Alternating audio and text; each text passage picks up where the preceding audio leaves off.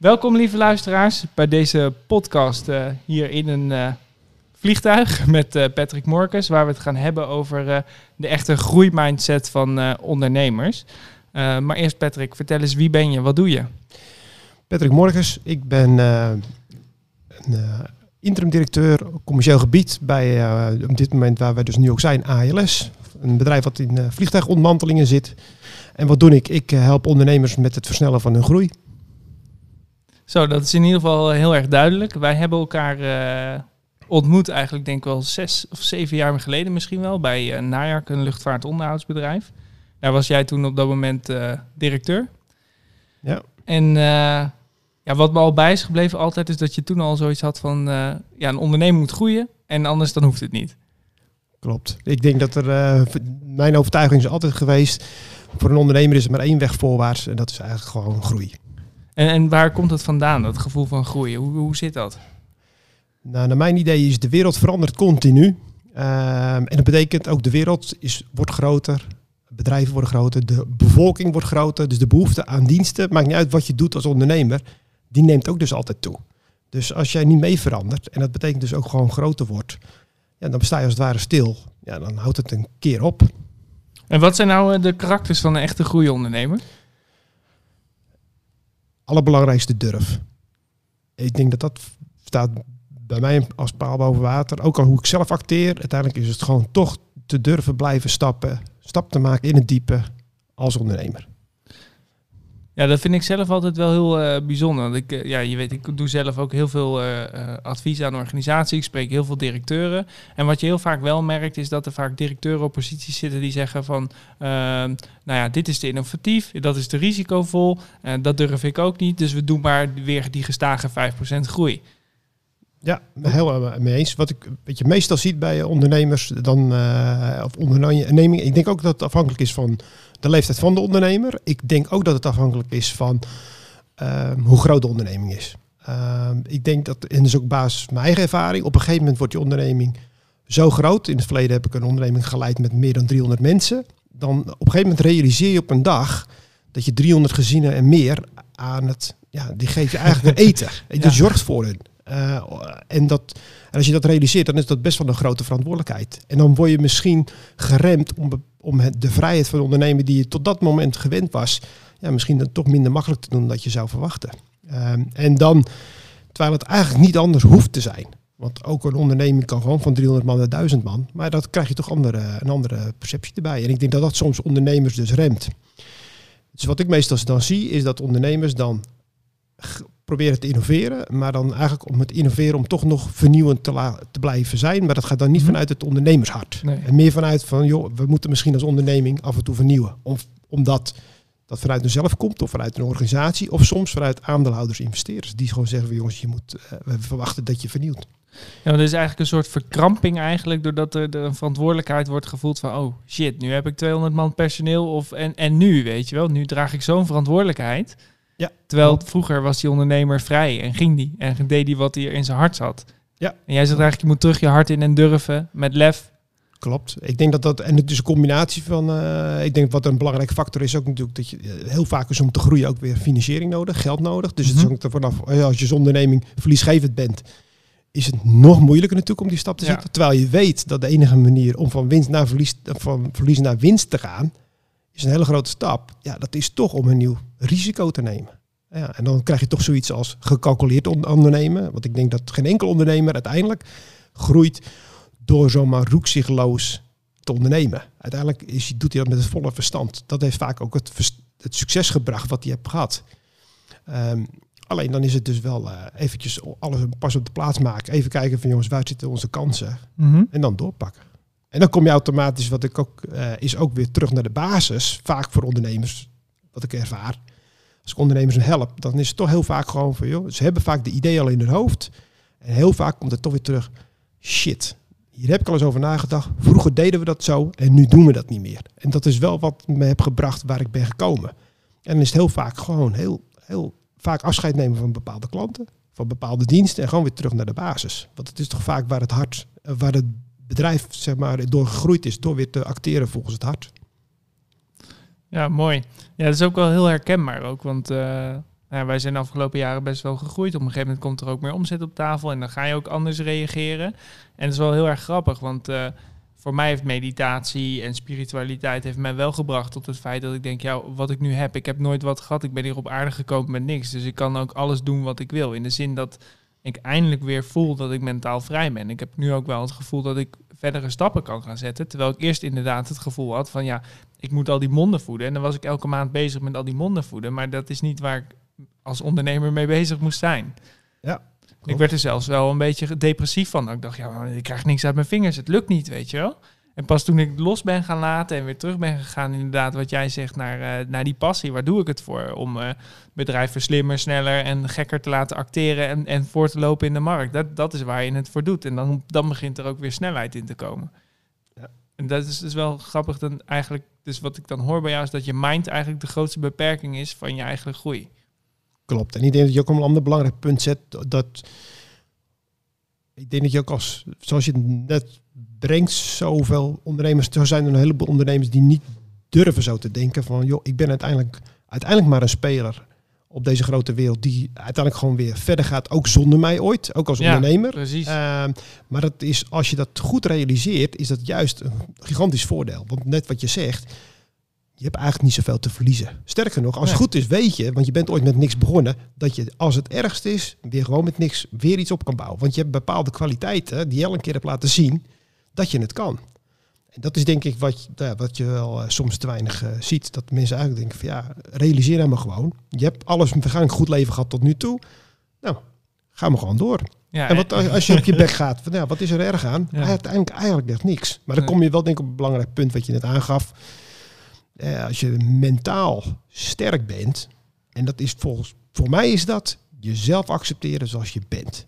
En niet wat andere mensen zeggen over jou. En ook niet andere meningen, noem maar op. Het ideaal, voor mij is het ideaalbeeld is, als ondernemer ben je vaak aan het begin van je jaren, beginjaren heel sterk gegroeid.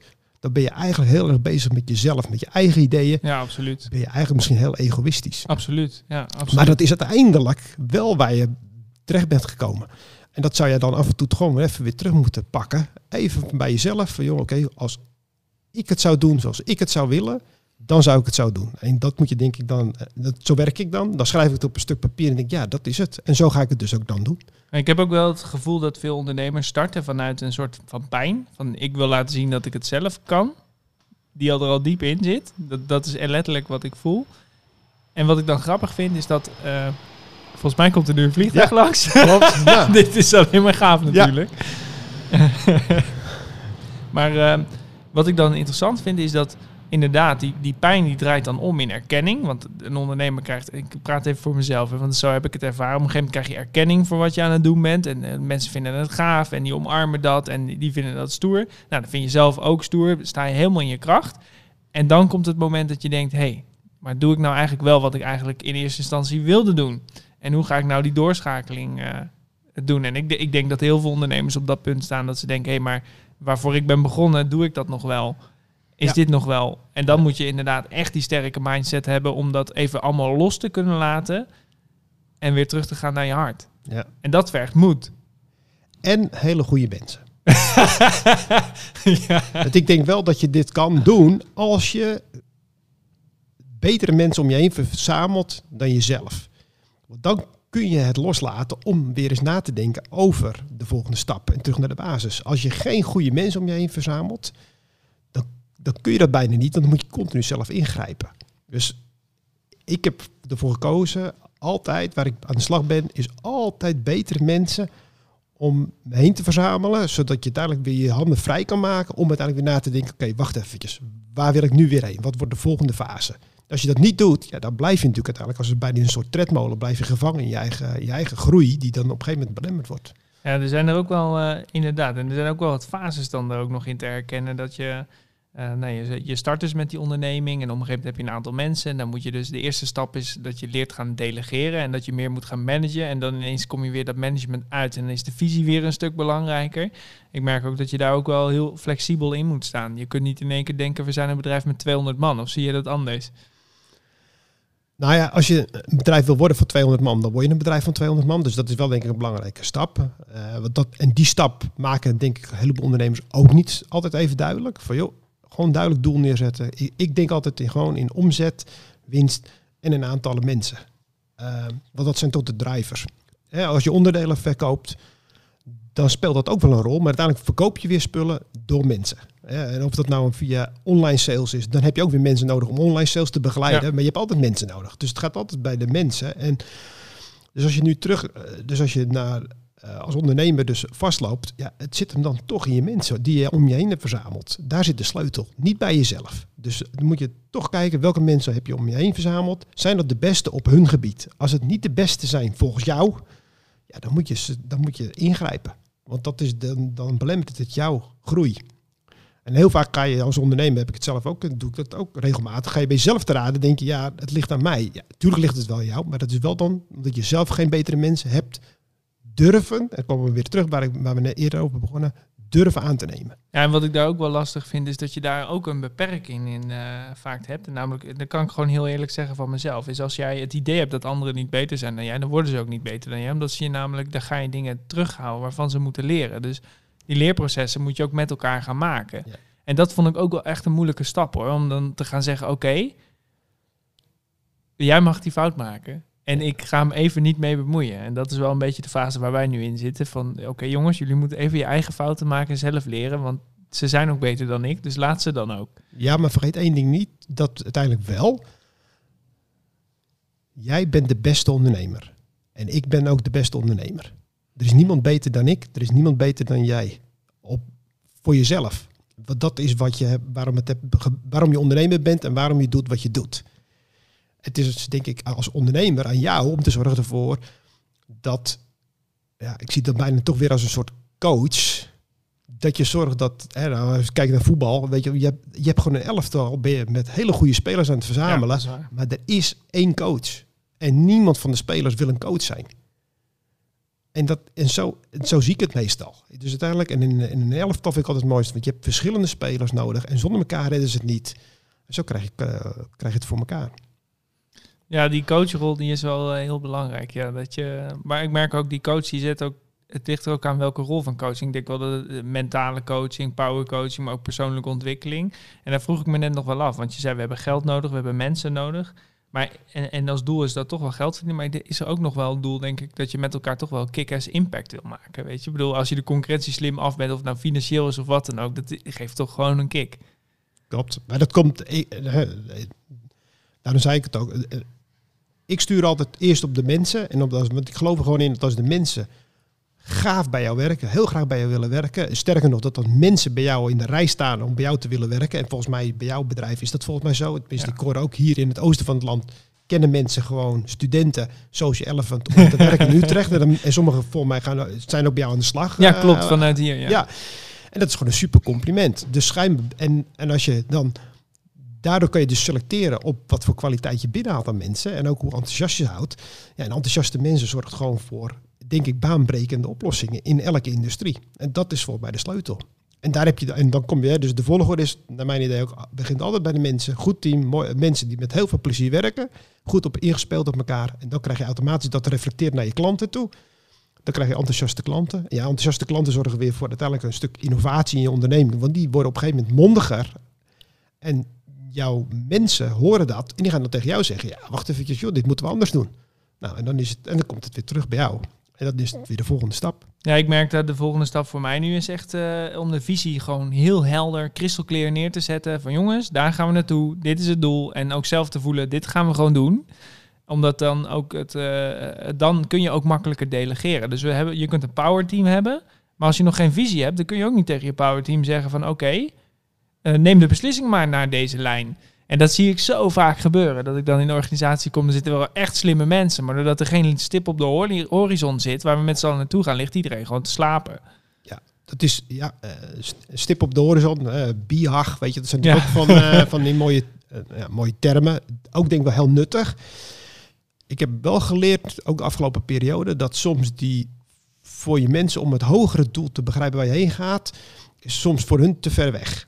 Uh, dus je moet wel... Te dromerig? Of ja, uh... soms wel. Dus dat is wel... Dus het moet wel voor, hun tastbaar zijn. Weet je wel? Dus het is... En omzetdoelen zegt hun niet zoveel. Want ze weten niet waar ze nu zo staan en dan zou je elke keer mee moeten nemen. Dus het gaat echt wel om iets wat echt inspireert. Dat is ook de bedoeling van BIAG en wat hun inspireert. Ik heb de laatste periode heb ik er nu voor gekozen. Uh, ik heb dat een beetje afgekeken bij Google. Dus die werken met OKR's. Uh, ja. En heb ik het op afdelingsniveau heb ik het gedaan. En heb ik gewoon voor een half jaar doelstellingen gemaakt. En dat heb ik dan. En ik heb een aantal gewoon gezegd van dat wil ik bereiken met mijn team. Um, en een aantal persoonlijke doelstellingen daaraan gekoppeld. En dat werkt heel goed. Uh, beter dan ik had verwacht, omdat mensen dan je zitten in een horizon van een half jaar te kijken. En dat is voor hun toch meer te overzien. En ja, ja, op hun werkgebied en op hun afdeling snappen ze ook en hebben ze ook het idee dat ze er echt grip op hebben. En terwijl een BIAG, dat is vaak op, op de ondernemers of, en dat is op ondernemingsniveau. Ja, de mensen die bij jou werken, die zijn misschien helemaal niet bezig met wat ze over zelf over vijf jaar willen doen. Nou, Sterker nog, weten ze niet. Nee. Uh, er vloog trouwens net een vogel nog achter je langs. Over kleine vliegtuigen. Wacht. Zit hij nou binnen? Nee, hij ging net weer de deur uit. Oh, gelukkig. Maar, ja. anders moeten we zo'n vogel vangen voordat we weggaan. Ja, dat precies. ja. Dus, ja, dus de kleinere doelen voor hun, die, die ze zelf kunnen, voor het personeel, dat ze zelf kunnen... Binnen hun team. Begrip, begrip hebben van... Uh, en stellen ze die doelen zelf dan op? Ja, ja, dus we hebben de telling heb, heb ik wel aangegeven. Dus bijvoorbeeld, ik uh, bij ALS, waar ik nu aan de slag ben, heb ik gezegd, ik wil dat de naamsbekendheid gro uh, groter wordt. Daar zijn we ook met z'n tweeën, zijn we mee aan de slag om daar ook online meer aandacht aan te geven. En dat heb ik, hebben we met elkaar gebrainstormd. Hoe kunnen we dat nou concreet in een getal brengen, wat we met z'n allen ook in de gaten kunnen houden? Nou ja, dan kom je dus op een lang, belangrijk medium, is toch LinkedIn. En hebben we ook afgesproken van, nou, we gaan gewoon het aantal volgers van onze bedrijfswebsite gaan we verdubbelen. En ook de persoonlijke volgers van de mensen die in dat team werken. Nou, zo zijn ze, gaan ze, en dan hebben ze zoiets van, oh, daar kan ik wel mee aan de slag. We hebben iemand die helpt met, met posts te maken.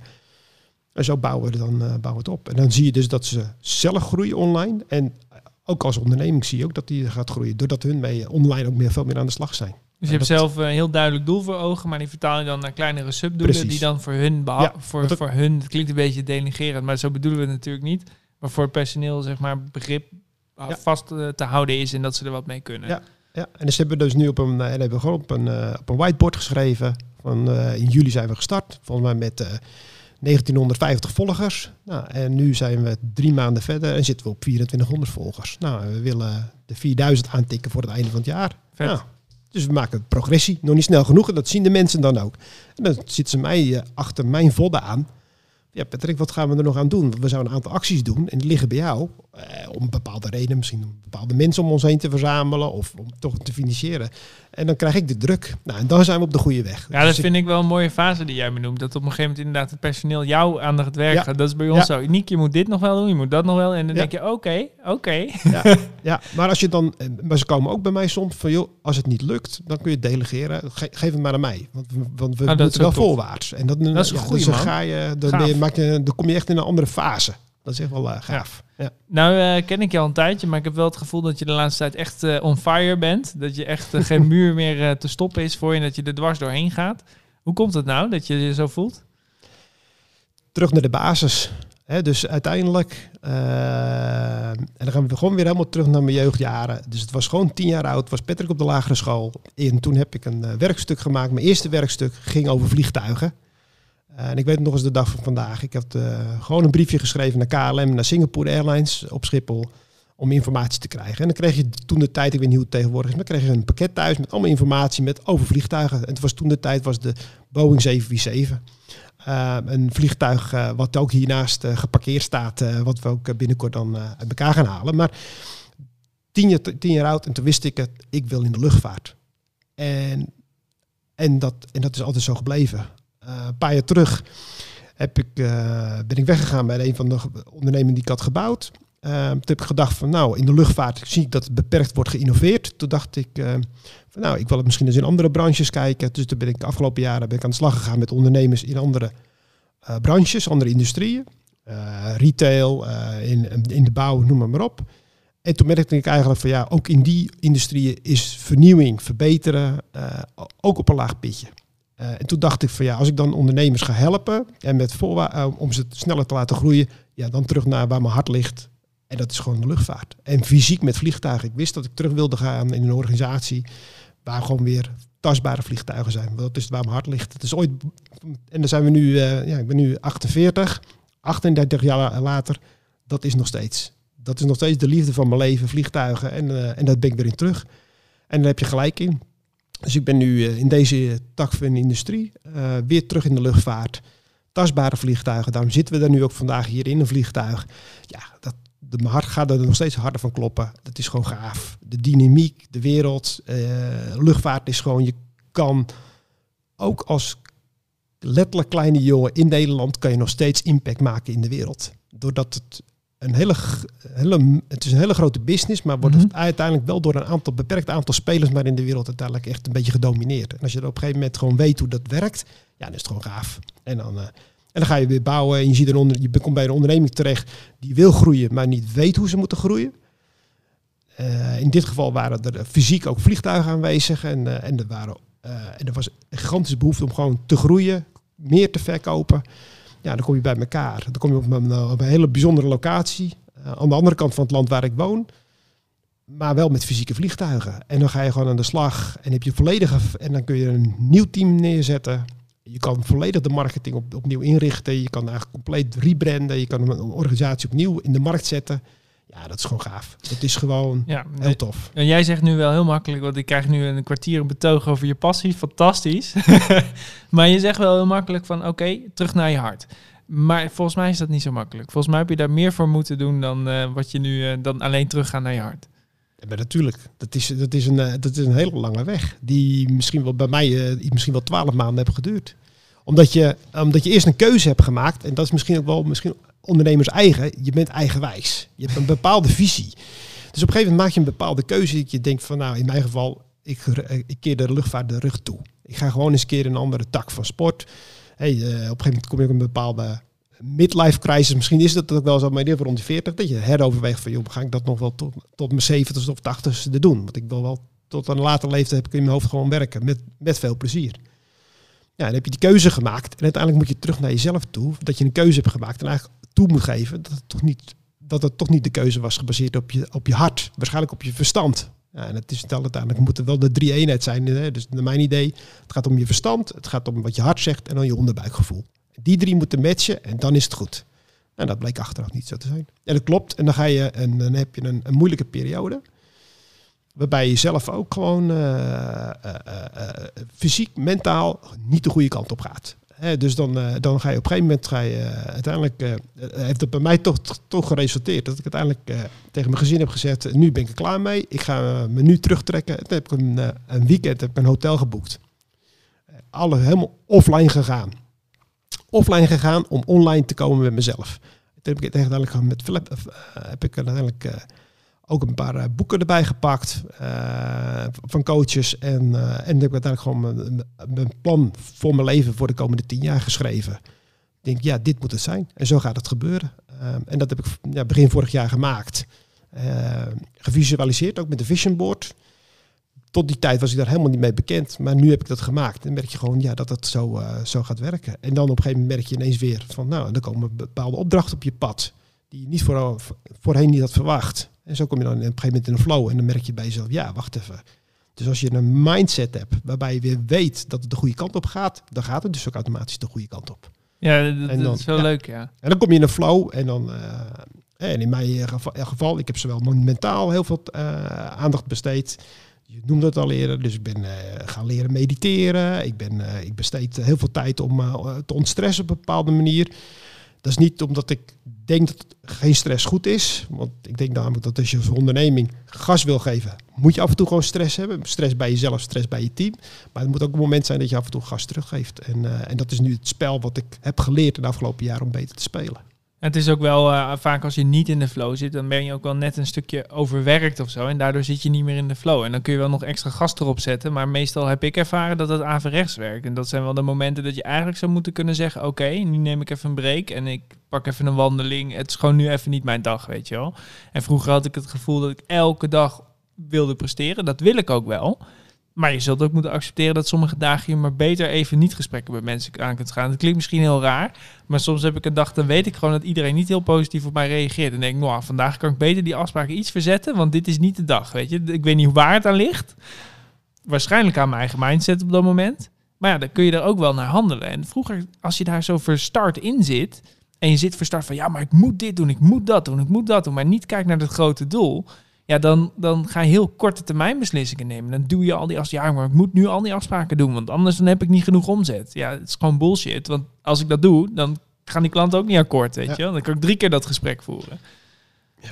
Ja, dat is wel wat voor mij dat grotere doel en terug naar je, naar je hart dat wat dat heeft gebracht. Zo van, joh, ik zit toch op mijn pad, ik ben toch op de juiste lijn. Dan kan ik ook wel af en toe eventjes ietsje gas teruggeven. Ja. Terwijl ik dat niet voelde toen ik precies deed wat, wat niet lekker voelde in mijn hart. En had ik de hele tijd zoiets, ja, maar nu moet ik er nog harder aan trekken. Ja. Is dat voor jou herkenbaar of zie je dat... eh,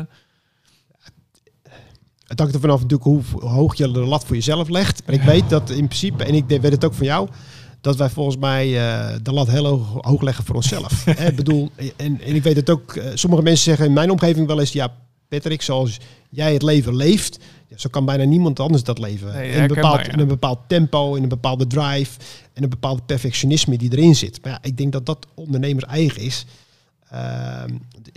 De- dus de combinatie weer van die eigenwijsheid en, en, die, en, en dat eigenwijsheid is natuurlijk ook een vorm van starheid. Om gewoon, ja, zo moet het gaan. En soms word je ook ehm, beïnvloed door bepaalde verhalen. Eh, ehm, we weten met z'n allen van jongens, ondernemer, als je er echt wat wil van maken, moet je gewoon hard werken. Dus automatisch hebben we de mindset, we moeten hard werken om iets te bereiken. Nou, dat is Ja, dat- denk ik ja. ook wel zo. Maar ja, we weten ook met z'n allen, 365 dagen per jaar, 18 uur per dag werken aan je onderneming, dat gaat niet goed. Dat gaat even goed, maar dat gaat op een gegeven moment niet goed. Ja, en dat is denk ik. eh, Maar uiteindelijk denk ik dat iedereen uiteindelijk zijn rekening gepresenteerd krijgt op een bepaalde manier. Ja, en dan, en dan realiseer je, dit moet stoppen. Eh, en ik heb dat gehad mentaal gemerkt van dus dat je dat je negatiever wordt, precies wat jij zegt. Je wordt op een gegeven moment negatief. Alleen werd het bij mij langere periodes. Dat uit zich dan ook in te grote hoeveelheid espresso's op een dag. ja, herkenbaar, Ook ja, toch? ja. Weet je, want dus op een gegeven moment wil je toch dan eh, op doorpakken. Eh, Je wilt terug in die drive. vibe van ja, die... eh, ja, want je, je hebt die vibe een keer gehad. Je weet hoe het voelt. Ja. En toch lukt het niet. Ja, en dan kom je toch uiteindelijk terug van, dat, dat is het dus niet. En fysiek heb ik gewoon, dan op een gegeven moment heb ik problemen gehad. Weet je dan ben je zo gedreven, kort slapen. Want je wil weer vol gas, weet je en eh, lange dagen.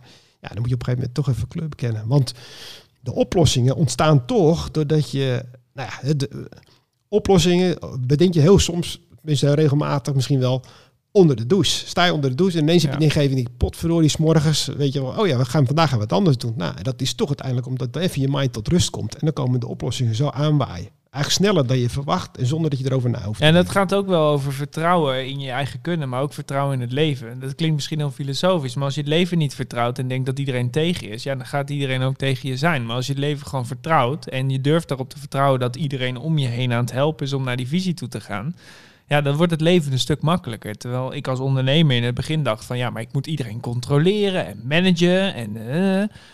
Eigenlijk het enige wat ik hoef te doen is het, dat zaadje te planten van we gaan met elkaar die kant op. Ja. En zullen we dat samen doen? Ja. En het team bouwen. En dat, dat is wat anders dan als je daar niet in vertrouwt, dan wordt het heel moeilijk. Ja. Dan, ga, dan kom je ook in die angstmodus. Voor mij heeft het er wel in geresulteerd dat ik echt zo ver van mijn pad verwijderd was voor mijn gevoel. Dat ik op een gegeven moment echt eh, dacht, ik moet nu stappen nemen. Toen heb ik dus eh, Tom Grims aangesteld bij ons om, om te komen helpen. Dat heeft hij ook fantastisch gedaan. En het grappige was, ik had hem aangenomen. Ik vertrouw hem ook echt. Ik ken hem heel erg goed. Dus ik denk, nou, dat, dat, dat durf ik aan. En gelijk die maandag erop heb ik een dag lang in mijn bed gelegen dat ik gewoon zoiets had. Ik heb nu gewoon even zin om aandacht aan mezelf te geven. Gewoon even helemaal niks. Ja. En dat was voor mij wel echt een keerpunt. Dat je dus, en dat, dat, waarom ik dit zeg is, jij zei net, ja, je moet goede mensen om je heen hebben.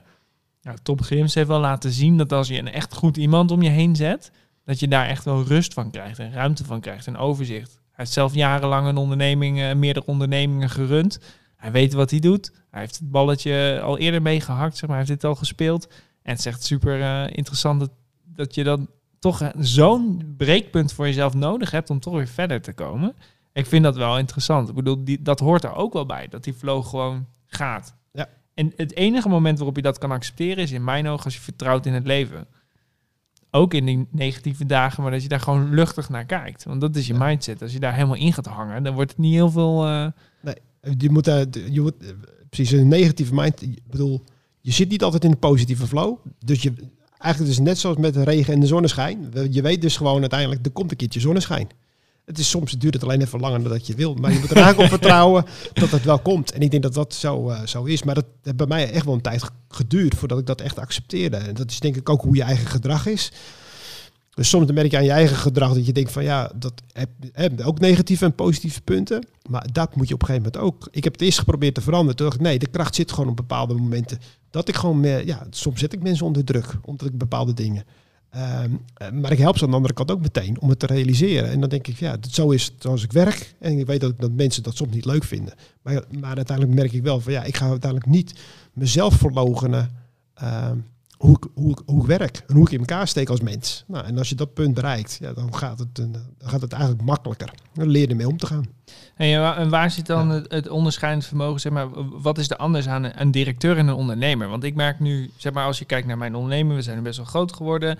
En nu zit ik gewoon van, ja, ben ik nou de directeur of de ondernemer? Daar heb ik heel lang over nagedacht. Ik ben de ondernemer en niet de directeur. Ik vind dat toch twee verschillende dingen. Hoe kijk jij daarnaar? Het hangt er, uh, nou, misschien, uh, ik weet niet precies waar je de verschillen kan aanmerken, maar ik kan wel vanuit mezelf vertellen, mijn eigen ervaring. Ik, heb, ik ben een ondernemende directeur. Ik ben misschien, ik heb een start-up gedaan in het verleden en toen heb ik gemerkt dat je echt iets opbouwen van helemaal van scratch, dat is echt iets heel anders dan opschalen. Uh, en ik ben wel meer op mijn plek op opschalen. Dat is het van, want dan er staat er als het ware al een half elftal. Ja. En die moet gewoon beter gaan spelen. En die moet beter. Uh, en, en dan kom je dus op, vaak een beetje op structuur en opstelling. En dat, dat is waar ik, waar ik goed in ben.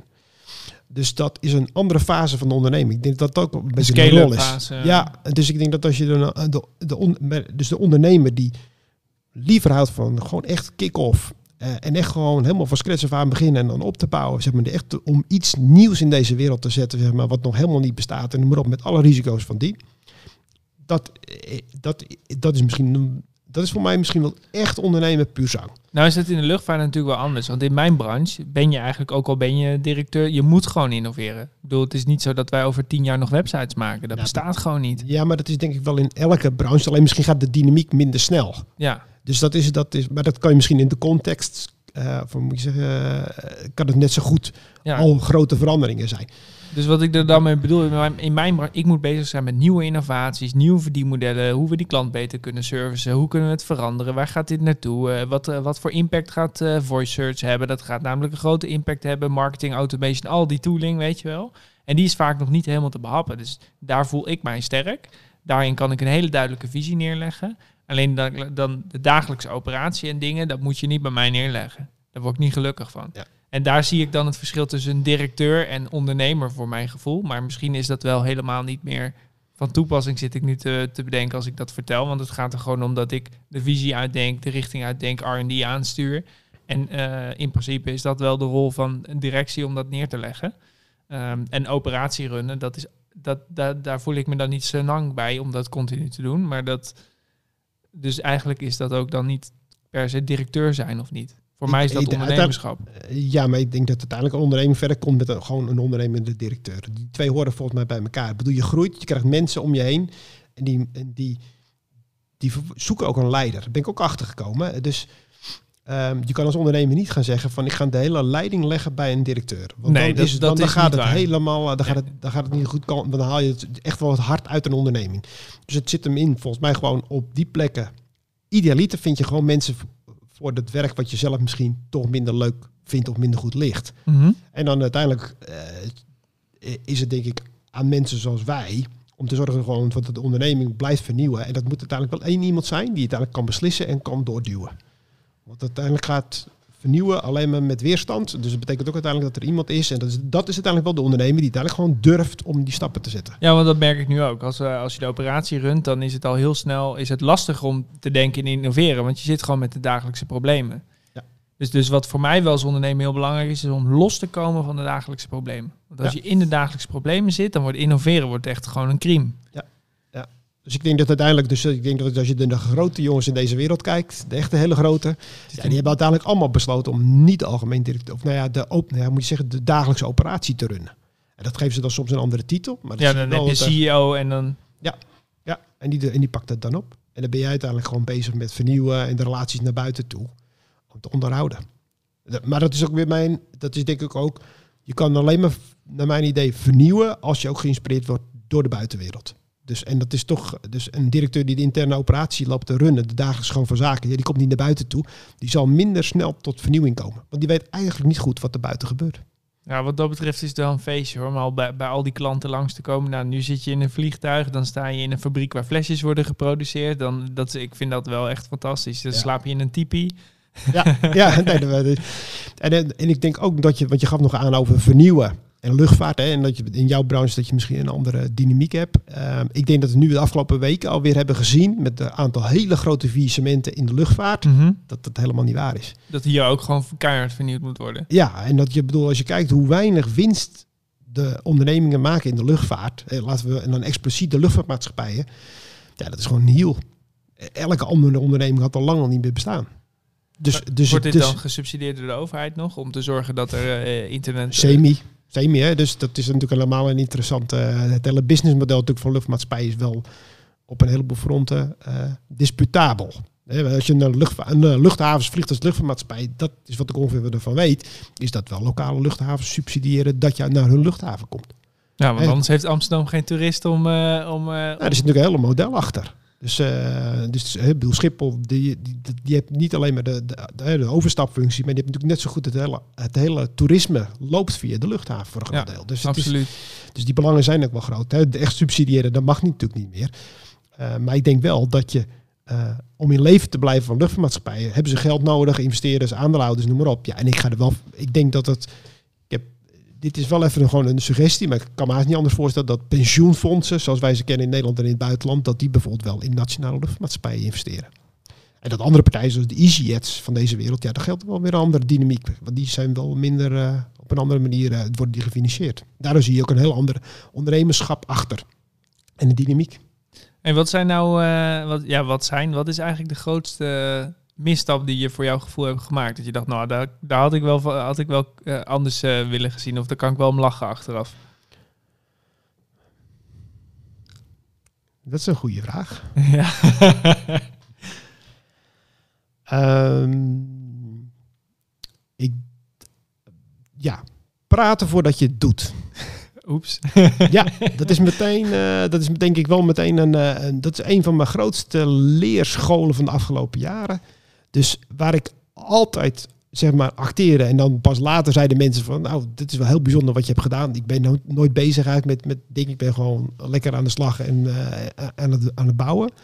En dan op een gegeven moment zeggen mensen van joh, nou het is wel heel gaaf wat je bereikt. En op een gegeven moment kreeg je zelf nog een prijs uitgereikt en, uh, en, en, dat soort dingen. Maar tot het moment niet. En ik heb op een gegeven moment heb ik uh, had ik wat ideeën om wat andere dingen te gaan doen, weet je wel. En dan ga je met mensen erover communiceren, maar ik had het nog niet gedaan. Ik had nog niks in gang gezet. Ja, en dan kom je uiteindelijk, lukt het je niet. En dan ben je zo in de weer om dat allemaal weer recht te praten met mensen en ook allemaal discussies. Dus dat is dus mijn grootste misstap, is dus op een gegeven moment aan mensen al te gaan vertellen dat je een onderneming wil gaan starten, maar dat nog niet doet. En dat, uh, dat heb ik ervan geleerd. Dat is eigenlijk gewoon, dan gaan mensen, die worden ineens heel anders, gaan heel anders tegen je aankijken. Uh, dus, dat is, dus dat is wat ik niet meer doe. Ik doe gewoon, ik ga het eerst laten zien en dan, laat ik, uh, en dan gaan we het er misschien een keer over hebben. Cool, mooi. Ik vond het echt een hele mooie podcast. En uh, ja, ik merk gewoon, uh, ik, ik ben altijd wel geïnspireerd door hoe jij uh, door het leven heen gaat, de ontwikkelingen je doet. Ik, ik, moet ook zeggen, ik ben natuurlijk zelf ook mijn sprongen gegaan, maar ik vind het ook leuk dat we nou, elkaar dus nu zo'n beetje zeven jaar kennen, maar dat het ook elke keer wel gewoon allemaal level up is. Het is zo, ik vind dat wel echt heel erg gaaf om mee te maken met jou. En dat, dat geeft me ook wel het gevoel, soms als ik een dag opsta en ik denk, uh, het wil even niet, dan denk ik altijd aan jou. En, en, en waar je mee bezig bent met mindsetontwikkeling, denk ik, nou, het komt wel goed, we gaan er gewoon lekker voor vandaag. Precies, dan sturen we elkaar even een WhatsAppie, toch? Dan gaan we ja, even een mooie dag van maken. Precies. Dus uh, hartstikke bedankt voor deze podcast en ook deze mooie locatie in het, in het vliegtuig. En ehm, ja, ik wens iedereen eigenlijk zijn mooiste leven toe. Mooi. Ik ook. Dankjewel, Nico. Peace.